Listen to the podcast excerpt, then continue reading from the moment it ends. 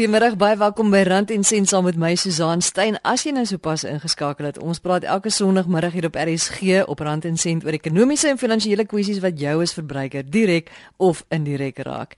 In die lig van die feesseisoen wat begin het, praat ons vanmiddag in die eerste deel van ons program onder meer oor kredietkaartbedrog en hoe jy dit kan keer. Ons kyk ook na hoe veilig jou persoonlike besonderhede en jou bankrekening is wanneer jy aanlyn of elders met jou kredietkaart koop. Ons praat ook oor wynverbruik. Wat is die gewildste keuses van hierdie of hierdie tyd van die jaar? En ons kyk na wynuitvoere en wat dit vir jou as verbruiker beteken. En laastens gee ons 'n paar wenke van belangrike dinge wat jy moet onthou voordat jy vir jaar met vakansie gaan. Maar kom ons begin by kredietkaartbedrog volgens die Suid-Afrikaanse Bankrisiko Inligtingseentrum SABRIC is die goeie nuus dat kredietkaartbedrog in die eerste 9 maande van jaar met 13,8% gedaal het teenoor die ooreenstemmende tyd verlede jaar. Nou ten spyte van hierdie daling is dit steeds meer as 'n half miljoen rand se verliese wat meegebring is, met veral die Wes-Kaap, Gauteng en KwaZulu-Natal wat die skwaaieste deurgeloop het. En hierdie tyd van die jaar soos ons nou sê, neem dit natuurlik baie toe. Meer mense gebruik hulle kaarte in die winkels en restaurante en dan veral ook om aanlyn te koop. Jy sit voor jou rekenaar in jou kantoor, jy gaan na 'n webwerf toe, kies die produk wat jy wil hê, daar's 'n groot verskeidenheid. Omdat ons so gejaag is, is mense 'n bietjie laks om te kyk na hulle sekuriteit of waar hulle persoonlike details lê.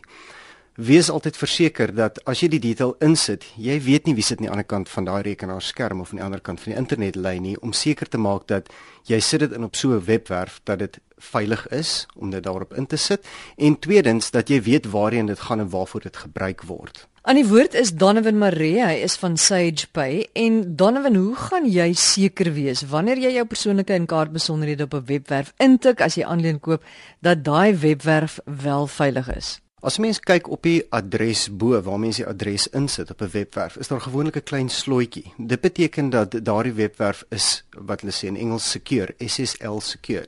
Daar's verskeie organisasies wêreldwyd wat daai akkreditasie aan 'n webwerf kan gee. Daar's 'n sekere uh, maatreëls waardeur hulle moet gaan en moet bewys dat die data wat hulle stoor en die data wat hulle bied vir die verbruiker is veilig. So as daar 'n slotjie is, die adres begin ook gewoonlik met HTTPS, nie net HTTP nie.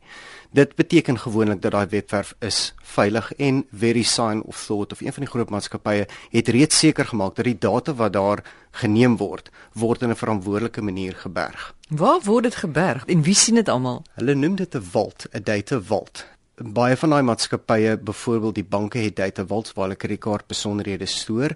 Mense noem dit 'n uh, PCI sekuriteit. Die PCI akkreditasie is nog 'n duur proses om deur te gaan, maar wat hulle basies doen is hulle gaan kyk, dis 'n organisasie wat inkom wat kyk binne in jou maatskappy. Watter van jou stelsels en personeel het toegang na kliënte se kredietkaart of konfidensiële inligting toe? Daardie stelsels word dan beveilig van hulle kant af met sekere protokol wat hulle in plek sit om te sê hierdie detail mag nie op wat ons noem die public domain wees nie. Dit moet op 'n veilige basis gestoor word in jou database en dit moet basies so gestoor word met 'n algoritme dat al kan iemand dit kry, gaan dit bitter moeilik wees om dit te ontsyfer. Wanneer moet ons die rooi ligte sien flikker? Ek dink die rooi ligte begin flikker as jy nie na jou bankstate kyk nie. Bank of kredietkaartstate. Onthou 'n kredietkaartrekening is 'n baie magtige ding. Jy kan hom enige plek in die wêreld gebruik. Meeste bankkaarte in mense se beursies deesdae is Master of Visa kaarte. Nou of hy 'n fasiliteit gekoppel het aan hom al dan nie, dit is nog steeds internasionale waarde en jy kan daai kaart enige plek in die wêreld gebruik. So as 'n mens gaan kyk na jou bankstate, jy moet gereeld kyk na jou bankstate ten minste een keer 'n week. Seker maak dat die transaksies wat op jou bankstaat is, is transaksies waarvan jy bewus is en is transaksies wat jy wel gemagtig het. Dieselfde op jou kredietkaart staat. Met bankrekeninge het mense 40 dae periode wat jy 'n transaksie kan dispuut. Nou wat dit basies beteken is jy kan die bank skakel en vir hulle sê hier het 'n transaksie afgegaan van my rekening af. Ek weet nie wat dit is nie en die bank sal dan ondersoek instel. Met 'n kredietkaart transaksie het jy 120 dae. So dit is 'n baie langer periode vir dit. Die rede daarvoor is as gevolg van internasionale transaksies. Ons weet almal jy kan aanlyn koop van enige plek in die wêreld af en dit is hoekom daar so lank periode is vir dit. Mense noem daai transaksie 'n dispuut teen 'n kredietkaart. Goed, nou hou jy jou kredietkaartrekening dop en dan As jy iets sien op 'n kredietkaartrekening wat jy nie gemagtig het nie of nie van bewus is nie, dan kan jy jou bank kontak. Die bank gee namens maatskappye soos Master en Visa die kredietkaarte onder lisensie uit. Jy kan net jou bank kontak en hulle sê ek is nie bewus van hierdie transaksie nie. Hulle sal dan die verkoper in Engels noem hulle die merchant kontak en sê gee vir ons 'n bewys dat hierdie kaarthouer het wel hierdie transaksie aangegaan. As die merchant nie 'n bewys kan gee van die transaksie nie, word die transaksie net eenvoudig teruggedraai deur die bank. So jy kan seker wees dat jy nie jou geld gaan verloor nie, maar dan moet jy binne daai 120 dae reageer. Korrek, ja. En jy weet dit is dit is ma maklik genoeg van die banke se kant af om 'n dispuut aan te meld, maar jy moet ook die nodige bewyse hê. So jy kan byvoorbeeld nie na die bank toe gaan en sê hoor ek het nie die die produk ontvang nie. Hulle gaan wil hê dat daar moet bewyse wees dat die produk is verskip met byvoorbeeld 'n koeriermaatskappy dat jy dit nie ontvang het nie, dat dit nie in die land ingekom het nie. Jy kan ook 'n transaksie terugdraai vir 'n produk wat nie is wat jy bestel het nie. Byvoorbeeld jy bestel 'n blou bal aanlyn en jy kry 'n groen boks dan is dit die produk wat jy gekoop het, is nie die produk waarvoor jy betaal het nie. Jy moet dan kan bewys dat jy in kontak met die verkoper was, die dispuut aangemeld het en dat die verkoper nie bereid is om die dispuut met jou uit te klaar nie. Dan sal die bank betrokke raak in sekere gevalle met dit. So watter maatreëls het maatskappye en dan nou restaurante ook in plek om te keer dat jou kredietkaart misbruik word? Mens kry twee tipes kredietkaart transaksies. Die een is wat hulle noem card present transaksies. Dis waarna jy verwys as jy in 'n restaurant sit en jy gee jou kaart fisies vir die persoon.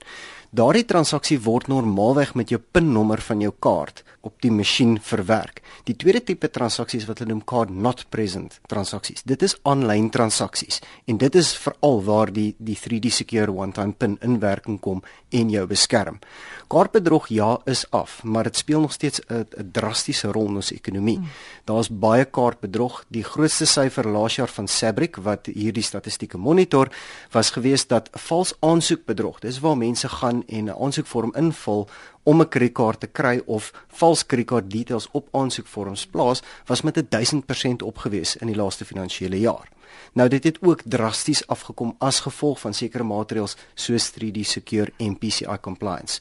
Meeste maatskappye wat goedere aanlyn verkoop, mag nie kredietkaart details stoor tensy hulle nie PCI compliant is volgens die PCI standard security nie. So wat is die beste ding wat jy vir, vir verbruikers sal sê wanneer hulle nou begin aankope doen met hulle met hulle kredietkaarte veral dan nou ook hierdie tyd van die jaar? Ek dink twee goed. Eerstens van alles gaan ek terugkom op die feit dat dit is jou verantwoordelikheid as 'n verbruiker om na jou bankstate en jou kredietkaartstate gereeld te kyk om seker te maak dat wat ook al op daai staat is, is jy bewus van. En dan tweedens, wees versigtig met jou kredietkaart. Kredietkaart soos ek gesê het is internasionale valuta. Jy kan dit enige plek in die wêreld gebruik. En as jy hom enige plek in die wêreld kan gebruik, kan iemand wat in Tsjechoslowakye sit wat jou kredietkaartnommer het, dit ook enige plek in die wêreld gebruik. So maak seker dat jy weet waar jou kredietkaart is ten alle tye. Nommer 1, nommer 2, moenie dieselfde PIN-nommer gebruik op al jou kaarte nie. Dis die grootste fout wat meeste mense maak, is hulle gebruik dieselfde pinnommer vir al hulle kaarte. Natuurlik, want anders vergeet jy dit. Ja, en dan verloor jy jou beursie en ek tel die beursie op en as ek jou pinnommer kan raai of mense skryf dit op 'n stukkie papier wat hulle binne hulle beursie ronddra, dan het ek toegang na jou rekeninge toe. In so 'n geval, die banke gaan jou probeer help waar hulle kan maar dit is nalatigheid as jy 'n pinnommer agter op jou kaart skryf en dan daai kaart verloor. As jy 'n kaart verloor, die banke het 24 uur helplyne wat jy kan skakel. Jy bel net die nommer sê ek het my kaart verloor. Hulle stop onmiddellik daai kaart en niks kan verder met hom gebeur nie. Maar ek dink laastens is dit net 'n geval van soos die Engelsman sê, use common sense. Moenie jou kredietkaart besonderhede enige plek intik as jy nie seker is dit is veilig nie. As jy jou kredietkaart details vir iemand oor die telefoon gee, wees verseker dat jy werk regtig met 'n motorhuurmaatskappy aan die ander kant en nie 'n call center agent wat iewers in Indië sit wat iets in jou probeer afsmeer nie. Want as jy jou kaart besonderhede het, het hulle dit. Ja, bekommernis dat die verkeerde mense toegang tot jou kredietkaart kan hê, is iets waarmee jy glad nie wil sukkel oor die groot dae nie. Dis Donovan Marie, hy is van SagePay en hulle webadres is www.sagepay.co.za. Jy luister na Rand en Sent op RSG. Ons saai uit 100 tot 104 FM. Ek is Susan Stein. As jy nou die eerste gedeelte van ons program gemis het, kan jy dit in MP3 formaat gaan aflaai op RSG se webwerf www.rsg.co.za. Ons het ook 'n e-posadres: rsgrandencent@gmail.com.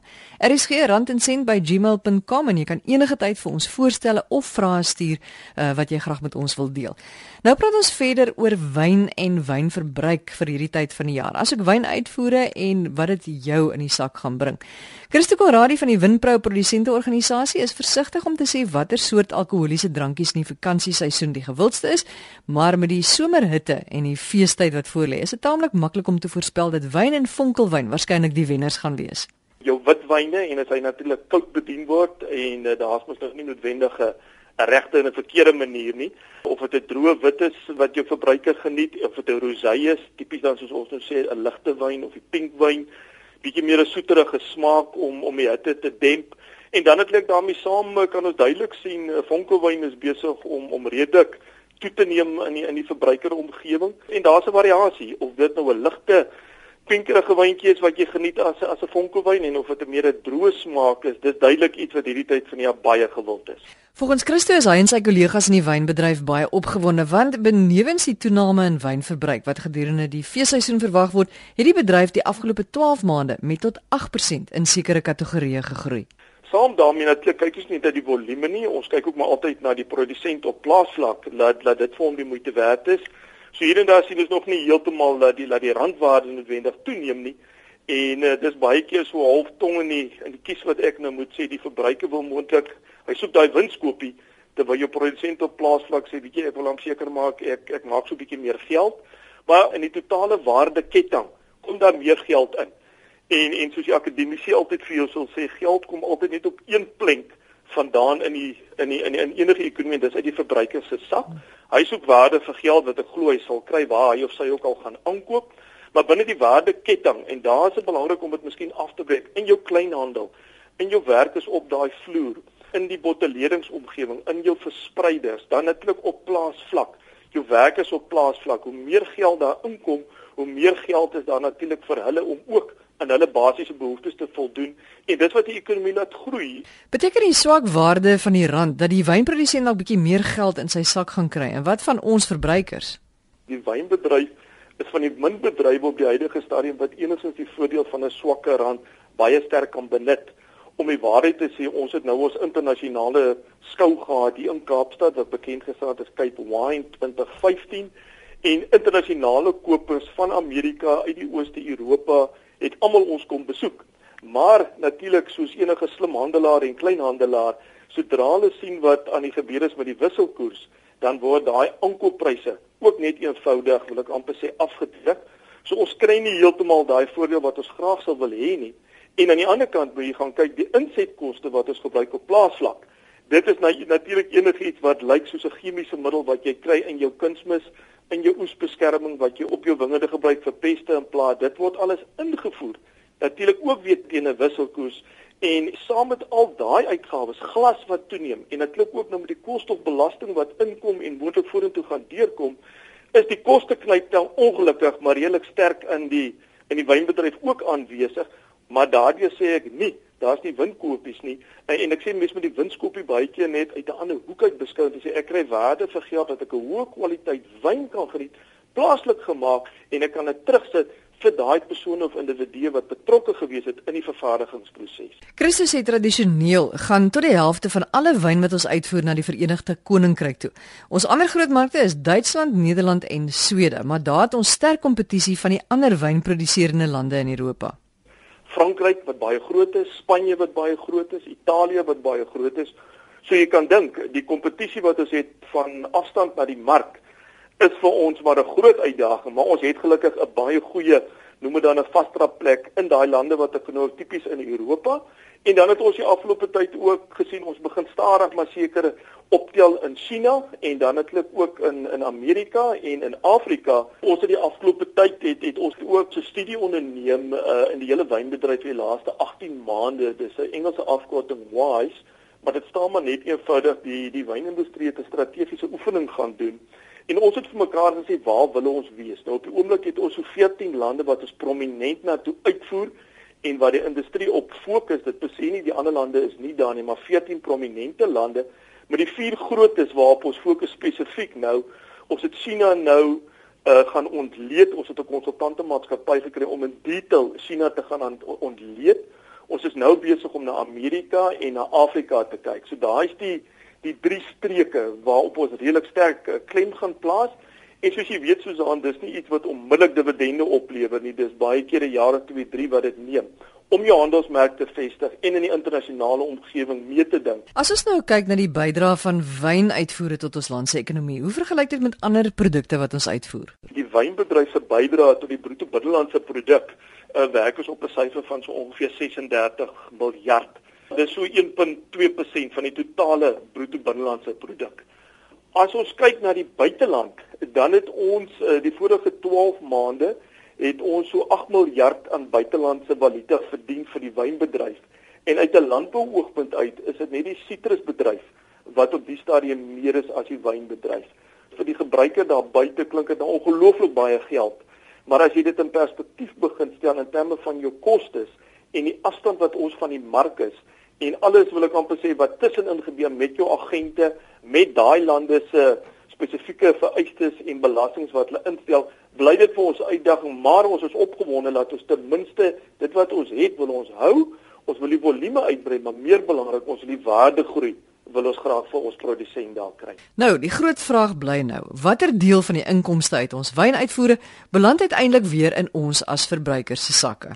Jou produsent self, met ander woorde, hy sit aan die einde van die ketting, hy ontvang wel geld en hy gee dit deur ook aan almal wat hom gehelp het in hierdie totale waardeketting.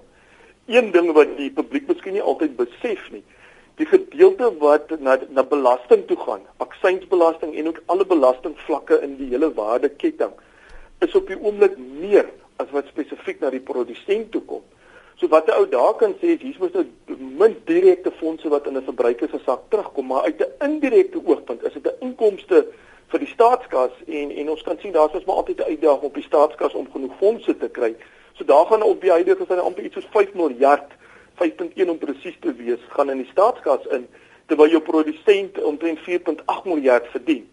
So ek dink as jy dit in in perspektief begin sien dan lewer die wynbedryf 'n enorme bydrae tot die fiskale posisie van die Suid-Afrikaanse ekonomie. En dis Christo Konradi van die Winpro produsente organisasie. Ons het gepraat oor die wynverbruik gedurende die feestyd, wynuitvoere en die voordele daarvan vir die produsent en die verbruiker. Jy luister na Rand en Sent op RSG net vir ons groet gaan Leon Kamfer van Assisa, dis die vereniging van spaar en belegging van Suid-Afrika, vir ons 'n paar belangrike wenke gee.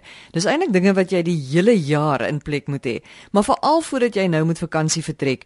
Jy kan maar sê die wenke is byna deel van van die finansiële beplanning van jou vakansie? Die eerste een is beveilig jouself en jou gesin. Baie is vol allerlei dinge gebeur so in daai geval lewensdekking, ongeskiktheidsdekking en mediese dekking. Hoopelik gaan niks gebeur nie, maar dit is asof jy 'n paar spaarwiele in jou motor het. So dis baie belangrik. Jy weet dis eenvoudig as iets sou gebeur, en jy het nie ongeskiktheidsdekking nie of sulke goed is kan dit 'n vreeslike terugslag vir jou familie wees. Kom ons sê jy gaan nou met vakansie en jy het 'n ongeluk en die broodwinnaar sterf of is totaal ongeskik.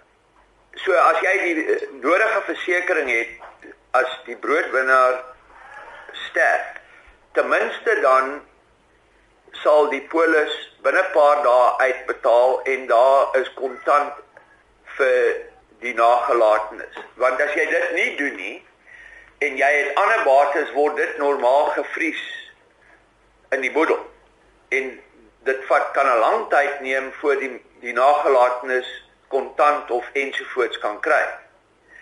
So lewensversekering baie belangrik ongeskiktheid net so belangrik. Sê maar die broodwinnaar word beseer en kan vir 'n tyd of nooit weer werk nie. Ten minste is daar inkomste vir die familie. Wat as jy nie ongeskiktheid dekking het nie, sal nie daar wees nie. Die tweede ding is as jy weggaan vir die vakansie, beveilig jou huis en voertuig. Die huis kan afbrand, diefstal ensovoorts en jou voertuig kan breek of in 'n ongeluk wees Maak seker dat jy geskikte dekking het en dat jy verstaan wat gedek is. Die derde ding is maak 'n lys van jou belangrike finansiële inligting. So as iets moet gebeur, is daar leer, alles is in daai leer. Wie jou finansiële adviseur is, jou lewensversekering polis, jou testament, jou ongeskiktheidspolis, jou siekefonds besonderhede, jou korttermyn en motorversekeringspolis, bankrekenings en ander ander beleggings of dit nou uittreë anniteit of pensioenfondse of gewone beleggings. Daar moet 'n lys daarvan wees. En as jy gaan reis wat baie mense vergeet om te doen, jou kredietkaartafdeling maak seker hulle weet waar jy gaan wees want met bedrog ensovoorts, jy wil nie ergens vir iets betaal nie en hulle wil nie die betaling goedkeur nie want hulle weet nie dat jy uitstedig is nie. En dan uh los met 'n vriend, 'n kollega, familiegesin, 'n buurman 'n lys van waar jy en jou gesin gaan wees, waar jy gekontak kan word en detail van julle vakansieplanne. So as iets verkeerd gaan, weet hulle waar om julle te kontak of iemand is tuis om agtergoed te kyk wat miskien kan verkeerd gaan. En as jy al daai goedes doen in terme van jou beplanning van jou vakansie, dan kan jy lekker vakansie hou en baie van die druk is van jou af. En dit is baie eenvoudige wenke en en dit sê net moenie net jou vakansie en jou reis beplan nie. Beplan jou finansiële omstandighede in terme van jou vakansie. Dit was Leon Kamfer reis van Assisa, dis die vereniging van spaar en belegging van Suid-Afrika. Nou ja, dit was Rand en Sent op RSG vandag. Volgende week kyk ons onder meer na die jaar wat verby is vir entrepreneurs en die belangrike lesse om in gedagte te hou vir die jaar wat voorlê, asook die nuwe minimumloon vir huishulpe. Jy onthou jy kan enige tyd vir ons 'n e-pos stuur rsg@randencent@gmail.com. rsg@randencent@gmail.com. Ons hoor graag van jou. Vir my Susan Stein, baie dankie vir die saamluister. Ek hoop dit is 'n lekker week wat voorlê. Totsiens.